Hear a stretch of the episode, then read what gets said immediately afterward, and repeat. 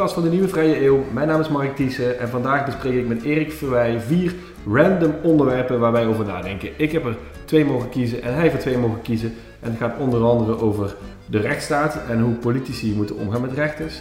Over de verkiezingen en met name over hoe media en politiek om zouden moeten gaan met mensen die zich niet aan de spelregels houden, zoals Thierry Baudet. Uh, maar ook over ruimtevaart en waarom Nederland de ruimte in moet. Geniet van de uitzending.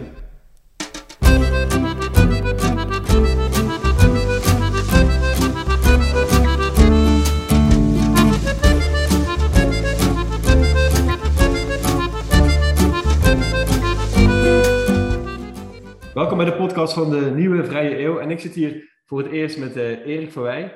Uh, natuurlijk uh, alom bekend twitteraar en in dagelijks leven advocaat. En sinds kort ook bekend van zijn colleges op YouTube over hoe de rechtsstaat dient te functioneren.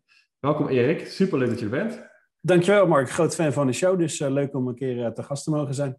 Ja, heel leuk. En jij gaat ons ook, sinds kort ben je ook aangesloten bij Nieuwe Vrije Eeuw en je gaat ons op allerlei mogelijke manieren helpen om aan ideeënvorming en nieuwe verhalen te komen. Dat is wel de bedoeling, ja. Dat is wel, ja, dat is zeker de bedoeling.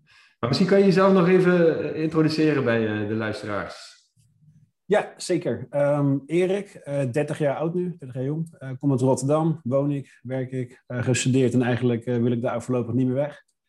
Um, advocaat, vooral om, om ruzie te maken. Um, ik vind zittingen prachtig, dus in, in de rechtbank of in de gerechtshof opkomen voor anderen, anderen helpen. En, en, sinds kort ook als hobby erbij eigenlijk vertellen over de rechtsstaat. Ik kom er vaak achter dat mensen er heel veel misverstanden over hebben. Uh, op basis van ja, verkeerde uh, ideeën van hoe het echt werkt. Um, allerlei drastische beleidsvoorstellen doordrukken. En dat is nu als hobby erbij. Ja, ja en, en, en waar is dat eigenlijk, wat was de trigger voor jou om dat te gaan doen?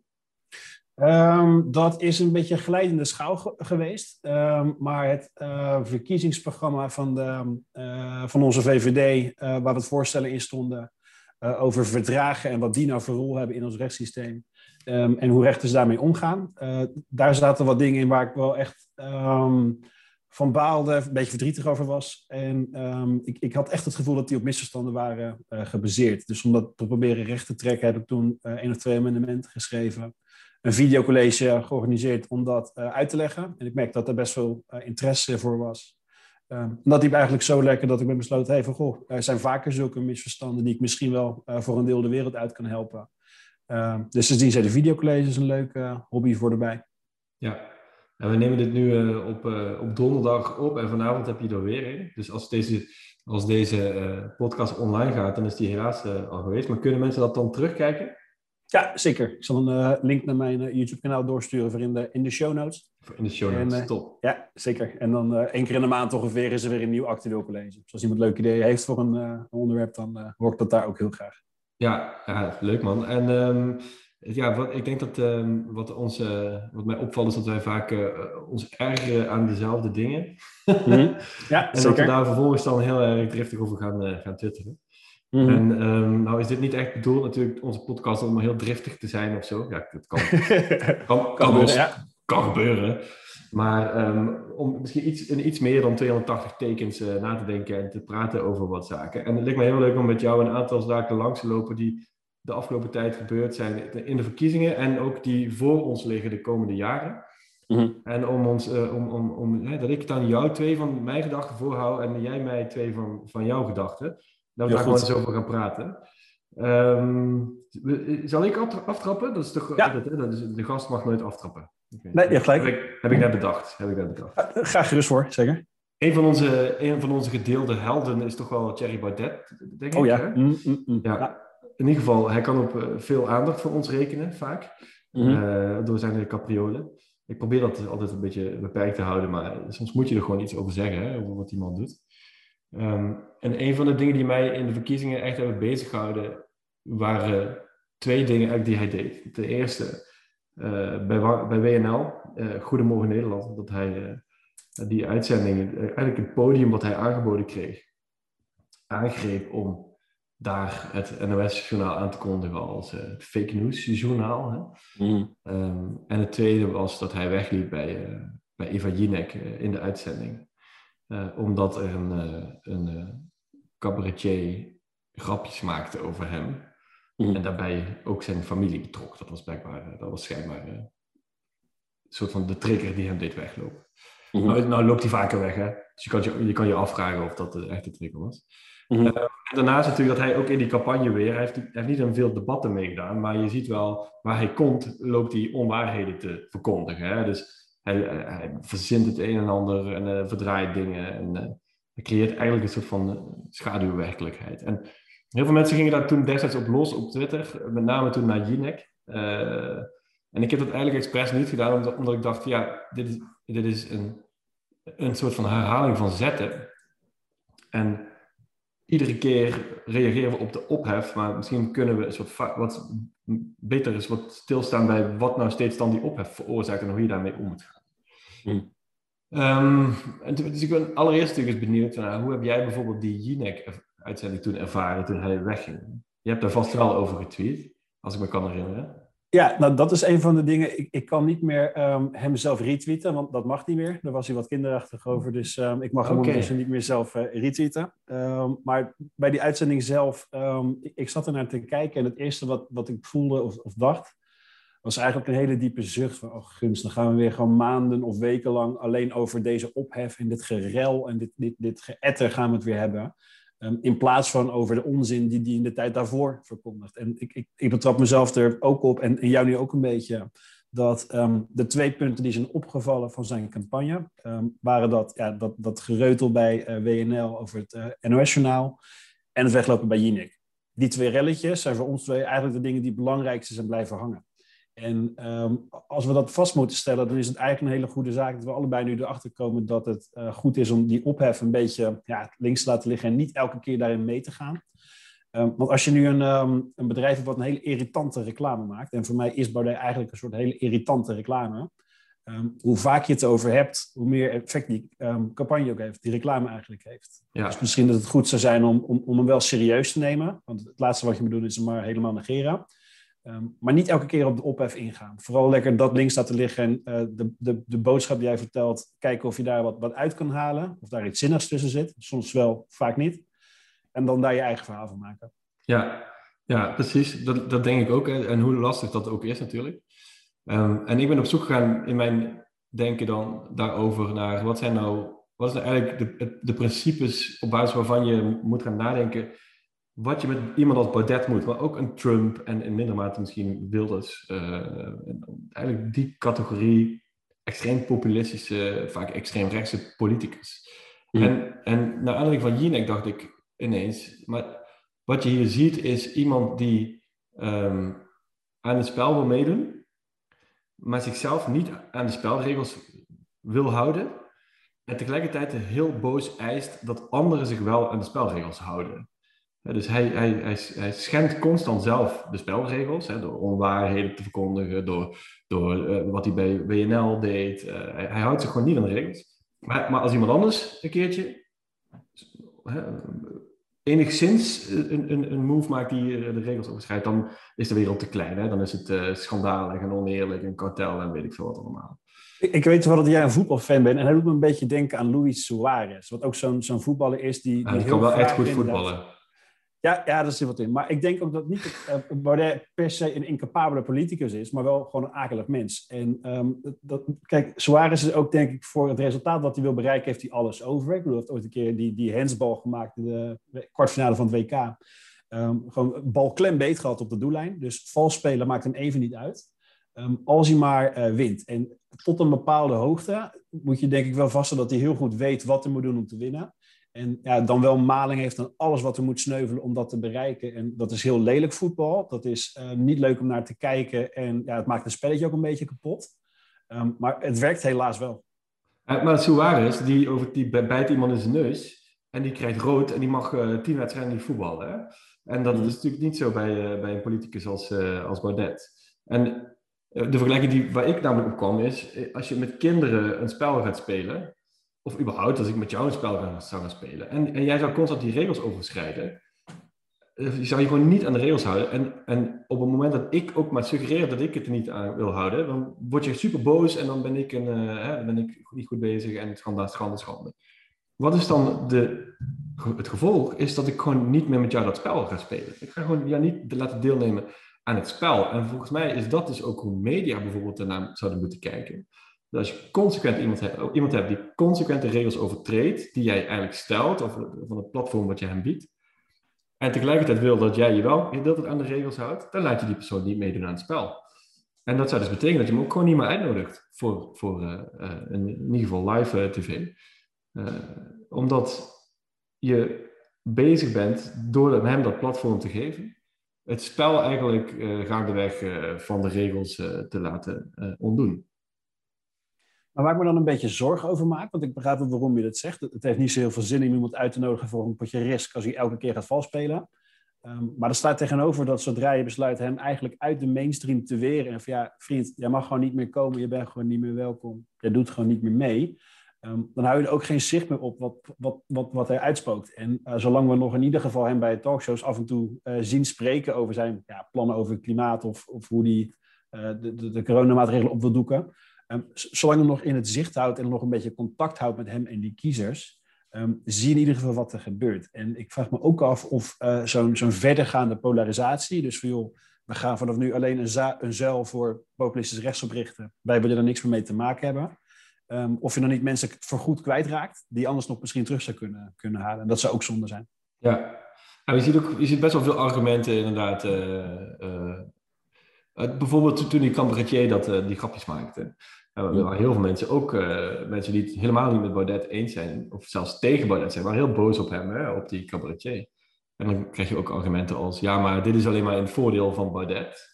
Uh, maar dat is natuurlijk geen principiële overweging, hè? Of, je, of je Baudet daar moet neerzetten, of, of dat je die cabaretier dat moet laten zeggen. Want dat is een resultaatoverweging. Hè? Wil je dat, dan, is je, dan zeg je eigenlijk, we laten Baudet alleen op tv komen als het niet in zijn voordeel is. Want en dat kan natuurlijk ook niet. Er moet een principe achter liggen. Maar jij zegt, jouw principe is, het moet zichtbaar zijn wat, wat er gebeurt. En je moet die, eigenlijk die groep ook niet beroven van een soort van podium in media. En dat, maar vooral dat je denkt, de problemen die, die, die er uh, uitvloeien uit zo iemand die heel veel jokt en um, dus eigenlijk zich een beetje afzondert van de rest van de groep. En zegt dat de hoofdgroep, de grote groep, de uit is om die kleine groep kapot te maken. En dat hij dan de messias is um, die iedereen even komt redden. Um, zodra de mainstream hem dan verder gaat wegzetten als een soort, ja, um, een, een, een malaatse die, die, waar je ver vandaan moet blijven, vooral niet mee in besmetting moet komen. Je ondersteunt zijn verhaal. Je onderschrijft zijn verhaal een beetje. Dat, dat het partijkartel bang voor hem is. En dat de mainstream media hem niet uh, wil zien omdat ze bang voor hem zijn. Ik denk dat zodra je iemand laat zien van ja, vriend, ik, ik ben niet bang voor, voor wie jij bent en wat je vertelt, maar ik, ik wil graag uh, gebruik maken van de kans om steeds maar weer uit te leggen waarom wat jij vertelt kwalijke nonsens is. Ik denk dat dat minder uh, uiteindelijk voor hem uh, oplevert dan als hij als een soort martelaar weggezet kan worden. Want dat is precies waar hij naar op zoek is. Ja, ja dat klopt. Maar dat, dat gaat hij hoe dan ook krijgen. Hè? Of je hem nou wel of niet uitnodigt. Die martelaarsrol pakt hij wel. Oh, zeker. Ja. Op zich, ja, dat gaat hem Dat was ook toen met dat interview bij de, bij de NOS, dat hij toen inderdaad niet over zijn krantje mocht vertellen. Um, of niet snel genoeg. Ja. die interviewer reageerde er heel bekwaam op. Maar kijk, als hij nu echt geschoffeerd wordt, zoals met die cabaretier, ja, ik weet niet, je kan er wat over zeggen. Maar ook als er geen ophef is, dan weet hij het wel te maken. Door bijvoorbeeld bij WNL met het NOS-verhaal te komen. Of tijdens het NOS-interview zelf uh, ophef te bedenken. Uh, dus ja, op zich niet, wel uitnodigen, zal hij nog steeds die ophef weten te vinden. Um, maar als je dan daarnaast uh, die ophef laat voor wat het is en niet onnodig dagenlang alleen maar spreekt over, oh ja, hij was weggelopen. Ja, dan kunnen we misschien al die tijd en denkkracht gebruiken voor belangrijke zaken. Ja, zoals een van de punten die jij uh, misschien met mij wil bespreken.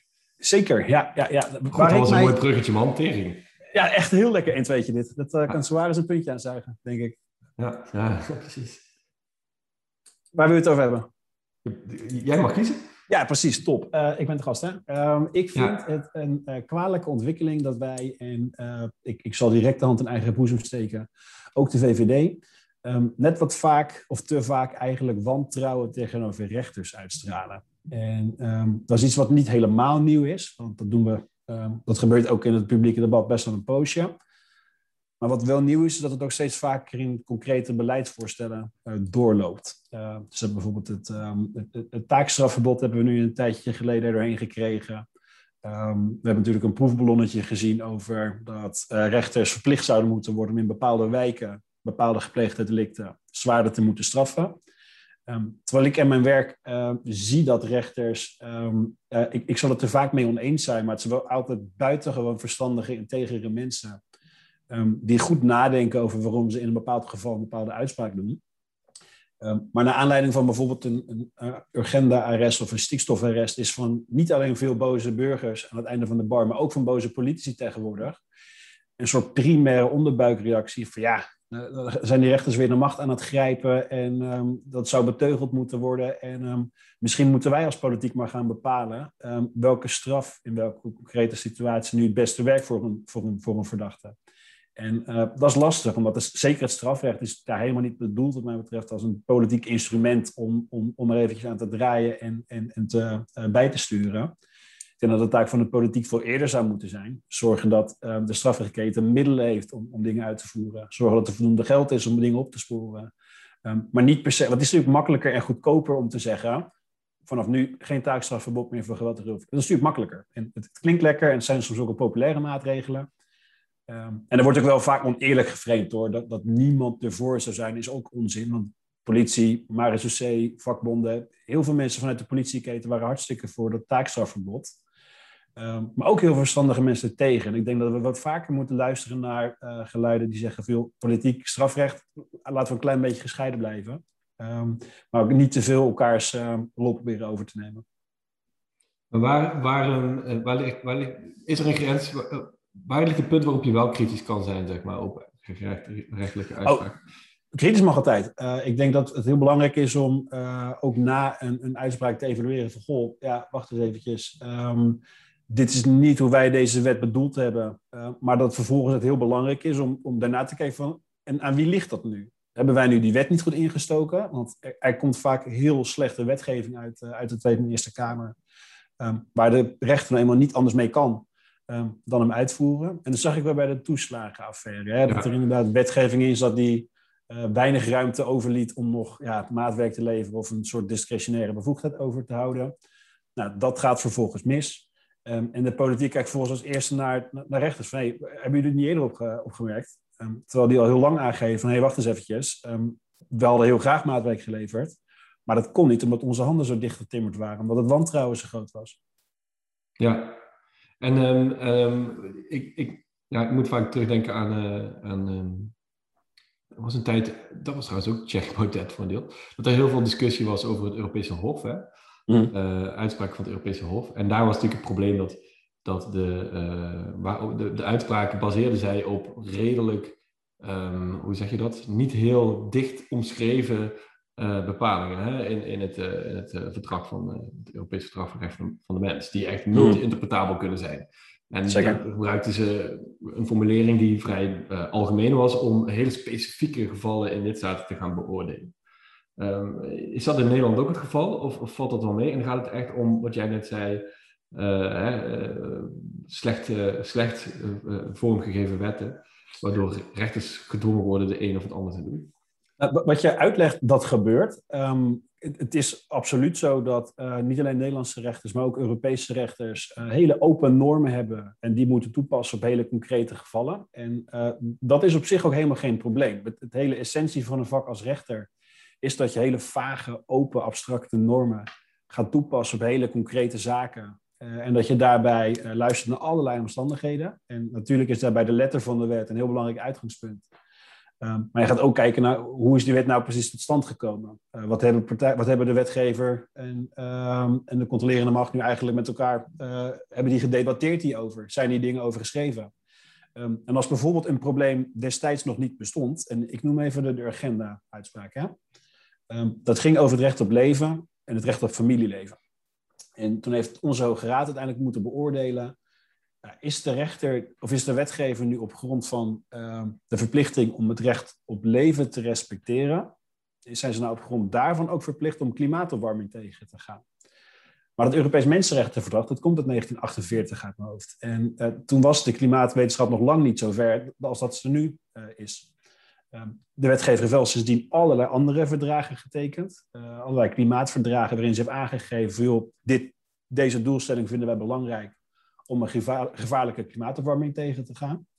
Um, de staat heeft vervolgens in die procedure wel gezegd van ja, het is wel zo dat, die, um, dat klimaatopwarming best gevaarlijk kan zijn, ook levensgevaarlijk kan zijn. Nou, dan is het 1 plus 1 plus 1 plus 1 is, is 5. Uh, het is niet dat het dan een soort hele exotische, verregaande, bezopen uitleg was geweest. Maar mensen moeten heel erg wennen aan het idee um, dat er dus op die manier ook uh, gekeken wordt naar een hele open normen. Maar dat is best wel een invulling, die, ruimte voor invulling die zo'n rechter dan heeft, hè, of die rechters dan hebben. Dat is echt, bedoel, als ik door het rood rijd en dan is het heel makkelijk, dan krijg ik gewoon een bepaald bedrag wat vaststaat als boete. Um, maar dit geeft echt heel veel ruimte om na te denken over wat nou precies in zo'n specifiek geval uh, moet gebeuren op basis van wetgeving. Mm Vind je dat een probleem? Nee, ik, ik, denk het niet. Ik denk dat uh, voor zover er inderdaad zo'n uh, onduidelijkheid zit die, uh, die weggenomen kan worden, um, dan is het echt aan de wetgever om daar zorgvuldig van tevoren over na te denken. En te voorkomen dat die onduidelijkheid kan, kan bestaan. En een mooi praktisch voorbeeldje daarvan is hoe, hoe, verdragen nu in Nederland worden aangenomen. Je had een tijdje geleden het verdrag van, van Marrakech, dat, dat migratiepact. waarbij uh, populistisch rechts heel erg hoog van de toren blies van joh, als je nu dit verdrag gaat tekenen, dan komen allerlei asielzoekers komen hierheen. En die gaan op basis van die open en vage normen, uh, gaan nu de wetgever er gaan ophangen. Um, en die gaan op deze manier allerlei permanente verblijfsvergunningen uh, toepassen.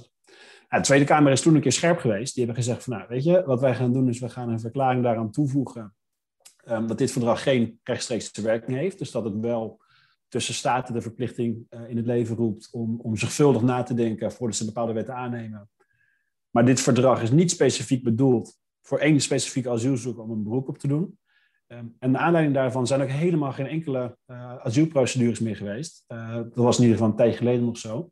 Um, waar asielzoekers uitdrukkelijk een, een, een, beroep deden op dit verdrag. Dus dat is nou niet meer gebeurd.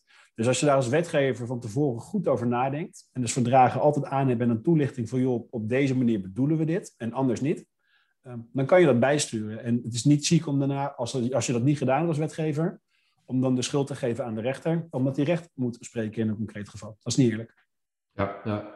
Um, een van de dingen die je vaak, laat ik zo zeggen, eh, vooruit komt vaak vanuit de rechtse hoek, denk ik. Dat rechters niet uh, partijdig zijn en dat de rechters dus ook links zouden zijn. Mm Zijn er voorbeelden van, um, van gevallen waarin het juist eigenlijk andersom is gegaan? Dat zeg maar een rechter, laten we zeggen, een rechtsoordeel heeft gehad uh, op basis van uh, waar linkse partijen kwaad zijn geworden? Um, dat in mindere mate. Het lijkt alsof links daar minder mee bezig is. Maar je hebt wel um, bijvoorbeeld uitspraken waarbij rechts heel blij was juist. Of sterker nog, de rechter zelf zocht. Um, Forum, heeft, Forum voor Democratie heeft in 2017 met het, het Oekraïne-referendum zijn ze naar de rechter gestapt om voor de rechter te proberen om de staat te dwingen om dat uh, referendum op een bepaalde manier uit te voeren, om daarmee om te gaan. Um, dus dat zijn diezelfde mensen die twee jaar lang um, uh, hel en verdoemenis hebben geroepen over de dicastocratie. Ja. Um, maar twee jaar geleden zelf nog bij de rechter stonden om wetgeving af te dwingen. Een ja. ander voorbeeld was dat ze juist heel blij waren met de rechter, was toen de avondklok van tafel ja. was geveegd. En toen, vijf dagen later, weer niet. Ja, ja toen was het weer de rechterlijke macht is corrupt ja. en die is maar uit om, om Rutte in de zaal te hebben. Ja, wat is het nou jongens? Kom even gauw. Ja. Um, dus nee, je merkt inderdaad dat de systeemkritiek is vaak heel erg afhankelijk van of je in de uitkomst kan vinden. Als mensen de uitkomst druk vinden, dan krijgt het systeem het zwaar te verduren. Um, terwijl het systeem best prima zou kunnen werken. Um, maar mensen lijken daar hun kritiek dan een beetje mee, mee goed te praten. En dat was jammer, omdat het systeem dan vaak prima functioneert. Alleen de uitkomst dan ja, niet is zoals mensen zouden willen hebben. Ja. ja, interessant. Hier zouden we gewoon ook wel eens een hele uitzending aan kunnen wijden, denk ik. Ik zou er uren over kunnen praten. Laten we wachten op een concrete nieuwe casus. Dat zou mooi zijn. Heel goed, haken we daarop Een prachtig uh, voorbeeld van uh, jurisprudentie gaan we volledig ontleden. Mm -mm. Samen met een, een echte jurist.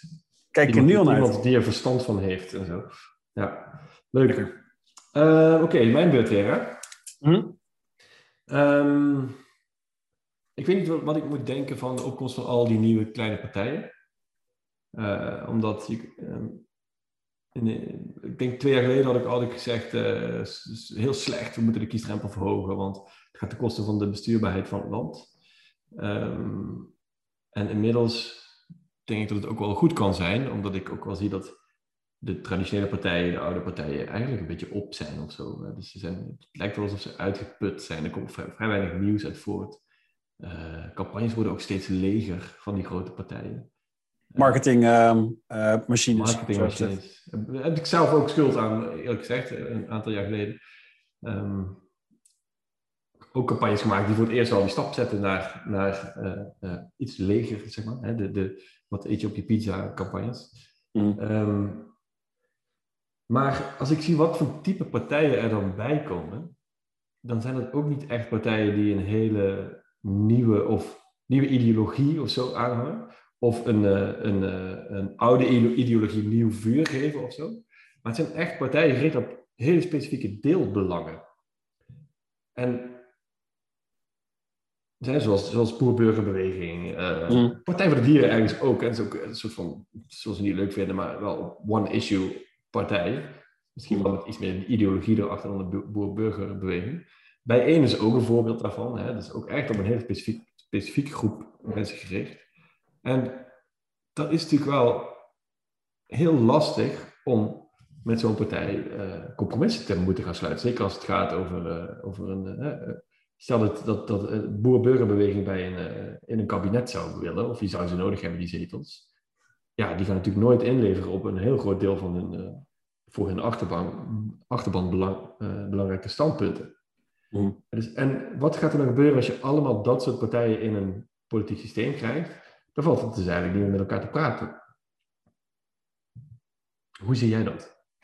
Nou, ik, ik, ik, ik, ik uh, zie ook inderdaad die, die kleine clubjes met een specifieke agenda uh, binnenkomen. En ik, ik, begrijp wel waarom ze dat doen. Ik, ik, denk namelijk dat het heel lastig is om als je een uh, nieuwe partij wilt oprichten en je probeert het, de politieke arena um, te betreden, dat het dan best wel lastig is om dat te doen met een, um, een heel neutraal, toegankelijk, centristisch verkiezingsprogramma. Omdat je je dan weinig onderscheidt van alle grote um, centristische partijen die er nu al zijn ik denk als je uh, een voet tussen de deur wilt krijgen, dat uh, je opvatting hoeft niet extreem links of extreem rechts te zijn, maar je moet wel een super duidelijk profiel kiezen. Waar je misschien als, um, als, als grote gevestigde partijen, als de VVD, CDA enzovoorts, um, dat je misschien iets meer kan vertrouwen op jouw, um, jouw imago van de grote tent. In Amerika noemen die uh, de Republikeinen ja. noemen zich de, de Big Tent Party. De Big Tent, ja. Zijn ze niet mee? Nee, exact. Maar dan kan je wel inderdaad doen alsof je gewoon een soort breed palet aan personen hebt. En, en, die mensen kennen die personen al. Die weten van, oh ja, binnen die ene partij zit één iemand die, weet ik veel, de landbouw hoog in het vaandel heeft. En één iemand die mega antiracisme is. Um, dus op die manier heb je als, als, als gevestigde partij veel meer de luxe dat je dat niet meer hoeft te doen. En als nieuwe partij moet je daar misschien wat actiever achteraan gaan. Maar als ik kijk naar bijvoorbeeld Volt, wat ik een hele, hele sympathieke club vind. Um, die hebben natuurlijk wel echt een hele duidelijke focus, van die richten zich op de Europese Unie. Um, maar het is niet zo dat ze, denk ik, alleen de Europese Unie als soort one issue hebben gekozen, maar dat ze daar een soort van uh, één manier van denken loslaten op alle problemen die we hebben. Um, en daar vanuit het Europees perspectief een oplossing voor proberen te zoeken. Dus ik, ik, probeer te zoeken naar partijen die wel nieuw zijn, die wel ja. uh, op proberen te vallen. Maar niet echt dat bolletje, niet die extreme uh, gespecialiseerde, hyper gespecialiseerde ja one-issue-partij zijn. Tegelijk is, is Volt volgens mij ook wel, als je het over doelgroep hebt, een hele specifiek gerichte partij. Hè? Dus die, het is niet zo dat zij across the board mensen aanspreken. Dat is echt voor een hele, hele specifieke doelgroep bedoeld. Of in ieder geval misschien niet bedoeld, maar in de praktijk stemmen daar vooral de jonge, hoogopgeleide mensen op, volgens mij. Ja, ja cosmopolitisch en een beetje progressief.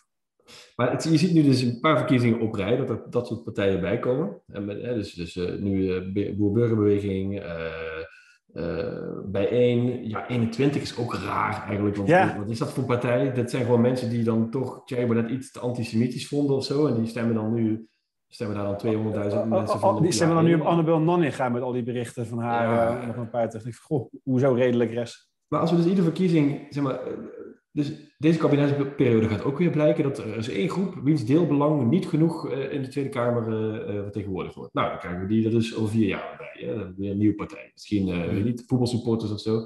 Die uh, brengt de pleuris uit onder voetbalsupporters. Die vinden het allemaal niet eerlijk. En die zeggen, we richten Partij voor de Voetbalsupporter op. En hop, Partij voor de Voetbalsupporter erbij. Mm. Forza voetbal of zo. Nou, dat moet, moet een leukere mogelijk zijn. Dat is een leuke naam voor partij van voetbalsupporters. Naar voren Nederland. Nee. Nou, we komen er wel op. We komen er wel op. De elfde zetel. De elfde zetel. De, elfde, de twaalfde zetel eigenlijk. Goeie. Ja, um, ja, op een gegeven moment moet het ook een keertje ophouden. Dat zou je zeggen. Of, of is dit een trend? En zit je over 30 jaar met, uh, met 25 verschillende partijen die allemaal 5, 6 zetels halen. en ieder zijn eigen deelbelang. Ja, en de volgende vraag, zou dat erg zijn? Um, je hebt wel eens, ja, was een mooi cliché dat zeg maar, als, als iedereen aan zichzelf denkt, dan wordt er aan iedereen gedacht. Um, en als je dus op die manier in, in, in de Kamer uh, van alle groepen die er zijn, uh, in ieder geval enkele goede vertegenwoordigers hebt, um, werkt dat dan niet ook zo? Ja, natuurlijk wordt het lastig om coalities te vormen en met onze poldercultuur moet je dan echt een mogelijke formaties gaan uh, aangaan. Um, maar ik, ik, weet niet of het nou per se wenselijk is om zo min mogelijk partijen te hebben. Bijvoorbeeld zo'n kiesdrempel waar je het over had. Uh, dat je vanaf, ja, noem het dus hoeveel zetels, dan pas mee zou mogen spreken. Zit ook nadelen aan. Dus ik, zou eigenlijk, ik ken geen voorbeelden van, van landen waar het zo geregeld is dat je 30 partijen hebt. Eh, weet jij daar meer van? Nee. Nou, ieder land heeft een kiesdrempel. Ja. En, dat is in het ene land hoger dan in het andere. Sommigen hebben andere systemen. Mm. Zoals het Verenigd Koninkrijk. Maar wij hebben ook gewoon een kiesdrempel. Hè? Dat is niet zo dat iedere, iedere jojo uh, in de Tweede Kamer kan komen met een partij. Je moet gewoon mm. uh, tegen de 100, wat is het, 100.000 nog wat stemmen halen. Mm. om erin te komen. En, Kijk, zit te zoeken naar een geslaagde democratie waar je dan echt zeg maar, tientallen partijen hebben die uh, efficiënt met elkaar ja. samenwerken. Voor mij is daar niet echt een heel lekker nee. bekend voorbeeld van of zo. Ja, dan zou je terug moeten naar onze eigen geschiedenis, denk ik, in de 19e eeuw, waarin je nog niet echt politieke partijen had. Dus het waren allemaal vertegenwoordigers van regio's of zo en individuele mm. Kamerleden. Ja. Nee, dus, maar ik vind het, het, is, het is wel een ontwikkeling. En ik vraag me af, uh, ik zou het wel graag, want ik, ik, ik erken ergens wel, en deze verkiezingen meer dan andere, dat de oude partijen een soort van op zijn. Het gewoon, ja, het voelt een beetje uitgeknepen aan allemaal. De rekken Onders, zeggen. Onderscheiden zichzelf ook niet meer echt tegenover elkaar. Nou was het ook lastig deze verkiezing natuurlijk. Dus, mm. dus, daar, dus daar komen op een gegeven moment nieuwe partijen. Dat, dat, is bijna niet tegen te houden. Hè? Zo, Gelukkig maar. PvdA, CDA, dat eigenlijk partijen die geen bestaansrecht meer hebben over, op lange termijn. VVD misschien zelfs ook niet. Zou zomaar kunnen. Uh, mm. uh, maar er komen nieuwe partijen. Volt is daar een goed voorbeeld van, denk ik. Die, die, en Partij voor de Dieren ook. Uh, maar goed. Ja. Maar ze fuseren ook, hè? Ja, dat, in Nederland nog niet natuurlijk, maar dat zou zomaar kunnen gebeuren. Hè? Als nu ineens uh, PvdA en GroenLinks samen zouden gaan. Zou geen ja, die hebben natuurlijk een tijdje geleden daar uh, gesprek over gehad. Zijn er niet te onderscheiden van elkaar, die partijen, als je echt gaat kijken naar inhoud? Ja, waarom niet? En als die op een gegeven moment zelf ook inzien dat je dan veel meer voor elkaar krijgt dan, dan maar zelfstandig een beetje proberen te vechten voor je, voor, voor je archie. Ja, ik weet niet. Misschien dat op termijn inderdaad wat meer partijen gaan samenwerken en daar wat interessante nieuwe dingen uit, uitkomen. Ja. Ja, ik, ik, zie ook van die, die partijen PvdA en CDA, zitten dus vrijwel alleen maar oude kiezers. En die verliezen dan steeds zetels. En dan, uh, gaat iedereen, uh, en dan praat iedereen over hoe kan het toch dat die partijen weer zetels verliezen. Maar dat komt gewoon omdat een deel van de mensen die op ze stemmen zijn dood, is doodgegaan. Ja. En als dat maar blijft gebeuren. En ze krijgen geen jonge kiezers erbij, want dat, dat krijgen ze bijna niet. Mm -hmm. Die partijen worden dus gewoon natuurlijk wijze steeds kleiner. En iemand anders moet dat gat opvullen. En ik ben benieuwd hoe dat over twintig jaar ervoor staat. Misschien moeten wij gewoon een nieuwe partij oprichten. Een deelbelang voor, uh, ik weet niet, de podcast. De, podcast de, twaalf, de twaalfde man misschien. Denk tanks. Ja, de twaalfde man. Oké, okay, en, jij wilde nog tot slot een lans breken voor ruimtevaart. Ja, ja, ja, we hebben het heel vaak gehad over wat nou de, de vrije eeuw inhoudt, maar nog te weinig denken over wat de nieuwe eeuw inhoudt. En uh, ik zat twee weken geleden weer met echt kraaiend als een klein schooljongetje van plezier te kijken naar hoe, uh, hoe de Amerikanen een, uh, een Marsvoertuig met een soort parachutesysteem op het oppervlakte van Mars hebben neergezet. En, en een paar dagen later, een paar weken later, een helikoptertje hebben laten opstijgen om, met een helikopter de, oppervlakte of de atmosfeer van Mars te verkennen. En ik, heel langzaam maar zeker, zie je ook in het Nederlandse politieke landschap, um, zie je stemmen opgaan die zeggen van, hé, hey, wacht even, hier moeten we ook aan meedoen. En um, ik heb gezien dat, ja, Forum wilde volgens mij een eigen Space Force opbouwen, of een maanlander. Nou, dat is misschien een beetje overtrokken, maar ik heb ook gezien dat er een heel mooi manifest voorbij is gekomen van, ik geloof, Dennis Wiersma. Um, die samen met allerlei grote partijen uit, uit, uit Delft en Leiden en allerlei andere um, veel slimmere jongens dan ik, um, die bijvoorbeeld de zonnepanelen hebben geleverd voor die, voor die Marslander, uh, of voor, die voor de nieuwe maansonde uh, uh, de zonnepanelen hebben gemaakt. Um, dus er valt echt bakken met geld te verdienen. Terwijl veel mensen natuurlijk het zien als een soort grote geldverkwitserij. Um, ja, ik kijk, denk dat kijk maar naar SpaceX, toch? Ja. Dat is, dat is toch een, fantastische, een fantastisch voorbeeld van hoe dat gewoon kan. Ik heb, die ik heb er wel een paar keer met die... Een tijdje geleden gelezen, dat is echt ongelooflijk. Iemand die bedenkt, ik wil raketten naar de, in, de, maan schieten. Mm. Of, of nou, niet naar de maan, hè. ik wil gewoon raketten de ruimte inschieten. Ook nog met een soort einddoel voor zich, dat hij denkt dat uiteindelijk de mensen op een raket naar een andere planeet zal, zullen moeten. En hij doet dat gewoon. Dus waarom zou Nederland dat niet kunnen? Ik gebruik het best wel vaak als, als iets niet kan, volgens, um, uh, volgens een collega. Ja, dat wordt lastig, dat kan niet. Ehm, het voorbeeld dat die beste man gewoon met een raket een, een auto in een baan rondom Mars of rondom de zon, volgens mij. ja. Als hij dat kan, dan wil ik kunnen e-mailen in plaats van faxen. Als we dat nou, kunnen, dan eh, zijn we niet zo ver dat we nu dit soort dingen niet kunnen oplossen. Ik zal, dan zal ik jou nog wat leuks vertellen. Ten eerste even, uh, ik vind dit fantastisch. Volgens mij uh, gaan wij met z'n tweeën Dennis Wiers maar dan even uitnodigen om hier eens een keer een hele podcast aan te wijden. Want dat is super vet. En dan gaan we Nederland Spacefaring Nation maken. Cool. Aansluiten wat jij net zei, dat, vind ik dan leuk om te delen. Maar mijn, mijn opa, die is, is er helaas niet meer, maar die heeft ook altijd een eigen bedrijf gehad. En die was heel erg van het bedenken van nieuwe dingen en steeds, uh, steeds weer proberen om uh, verder voor de concurrentie uit te komen, zeg maar. En die, hield, die kon dat dus ook niet, niet tegen als mensen tegen hem zeiden, dat kan niet. En wat hij had, is op al zijn brief, brieven, dat had je toen nog natuurlijk, hè, dus stuurde je brieven als bedrijf, mm. faxen, had hij het logo van zijn bedrijf. En dan had hij daar een plaatje bij van een astronaut in de ruimte. Want hij altijd zei, als we dit kunnen doen, dan kan alles wat ik wil ook. Cool. Dat, dat is een, uh, een wijze man, als ik het zo hoor. Dat was hij ook, inderdaad, een wijze man. maar zoals je bij veel wijze mannen hebt, eh, was het soms ook wel echt niet, niet mogelijk wat hij wilde. maar het schijnt dat ik dat van hem heb overgenomen, die, uh, die eigenschap. Die kent mentaliteit, hartstikke belangrijk. Hey, ik vond het leuk en uh, we gaan dit vaker doen, denk ik. Uh, sowieso, Dennis Wiers, maar we gaan jou een uitnodiging sturen. Dus jij moet ook uh, een keertje langskomen, mocht je dit hebben. Hartstikke leuk. automatisch vanuit dat Dennis zit te luisteren, dus bij deze Dennis. Wie niet? Nee, leuk. En ja, fijne avond, succes vanavond bij, je, bij je YouTube-sessie. En ik hoop dat ik er snel een keertje wel bij kan zijn. Heel goed, thanks. Nou, tot de volgende. Yo, hoi hoi.